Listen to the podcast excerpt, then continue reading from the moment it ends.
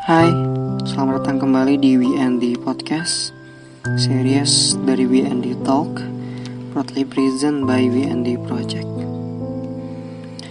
Hari ini aku bakal ngomongin tentang jodoh Kalian pernah bertanya gak sih sama diri kalian sendiri? Siapa ya jodoh aku kira-kira? Siapa ya orang yang nantinya rela berbagi kebahagiaan denganku Berbagi kesedihan denganku berbagi hal apa pun yang bisa aku kerjakan di dunia ini secara bersama-sama. Pernah bertanya gak sih siapa orangnya? Hmm. Terkadangnya memang jodoh itu bisa datang kapan pun, di mana pun, kepada siapa pun, dan tanpa ada tanda apa pun atau alasan apa pun yang kadang tanpa kita sadari. Kalian setuju gak sih dengan hal itu? Kadang kalian merasa aneh gak sih? Melihat ada orang lain yang bertahun-tahun dia pacaran Menjalani hubungan dengan sangat romantis Tapi ujung-ujungnya gak jodoh. Ada orang nih yang hubungannya itu LDR Dari dia awal kuliah sampai dia tamat kuliah masih LDR pas udah selesai kuliah punya kerjaan ketemu orang baru putus. Nggak jodoh. Jadi apa yang dilakukan selama LDR ini?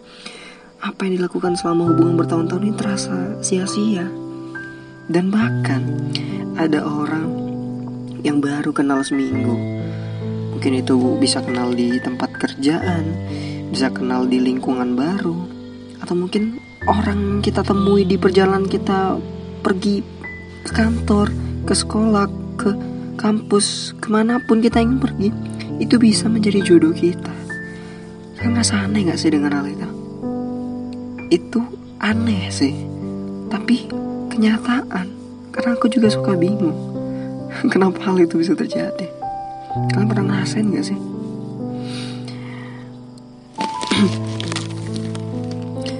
Teman-teman, aku cuma pengen ngingetin kalau sampai sekarang kalian masih bingung dengan jodoh kalian itu siapa, aku pernah membaca sebuah ungkapan di salah satu karangan novelis yang gak perlu aku sebutkan namanya ya.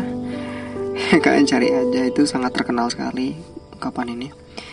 Dia bilang kalau kita ingin bertemu jodoh kita, ya kita berkaca dari diri kita sendiri. Dan jika kita sekarang mempersiapkan masa depan kita dengan baik. Percayalah, jodoh yang akan Tuhan kasih di masa depan kita sedang melakukan hal yang sama pula. Jadi jangan khawatir kalau kita belum menemukan jodoh kita sekarang. Yang lagi usia lanjut dan punya tuntutan untuk menikah. Mungkin dituntut orang tuanya untuk menikah dituntut oleh keadaan lingkungan teman-temannya yang udah pada menikah tapi aku belum. Apa ada yang salah dalam diriku? Enggak, kamu nggak salah.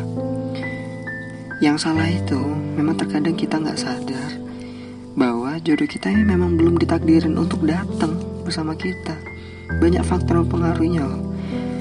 Mungkin itu karena kita belum siap secara mentalitas, secara finansial, bagaimana cara kita untuk mengayomi pasangan kita nanti, menghargai pasangan kita nanti, perlu kematangan yang sangat-sangat harus disiapkan saat kita ingin melanjutkan hidup bersama orang yang sangat kita cintai.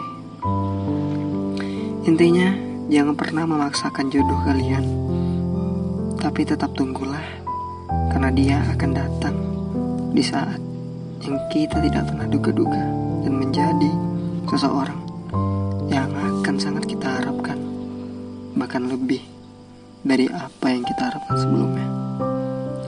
Thanks buat yang udah denger. Saya Wandi Channel. See you next podcast.